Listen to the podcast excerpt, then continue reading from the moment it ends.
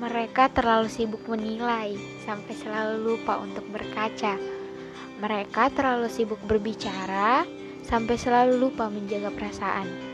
Berbicara tentang kekurangan, padahal semua orang memiliki kekurangan. Berbicara tentang membandingkan kehidupan, padahal semua orang punya ujiannya masing-masing.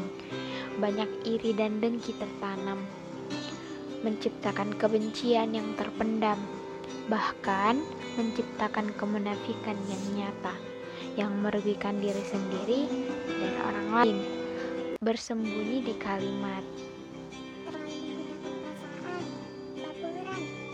sadar dan tahu jika semua orang memiliki perasaan yang tingkatnya berbeda-beda, tidak bisa disamakan.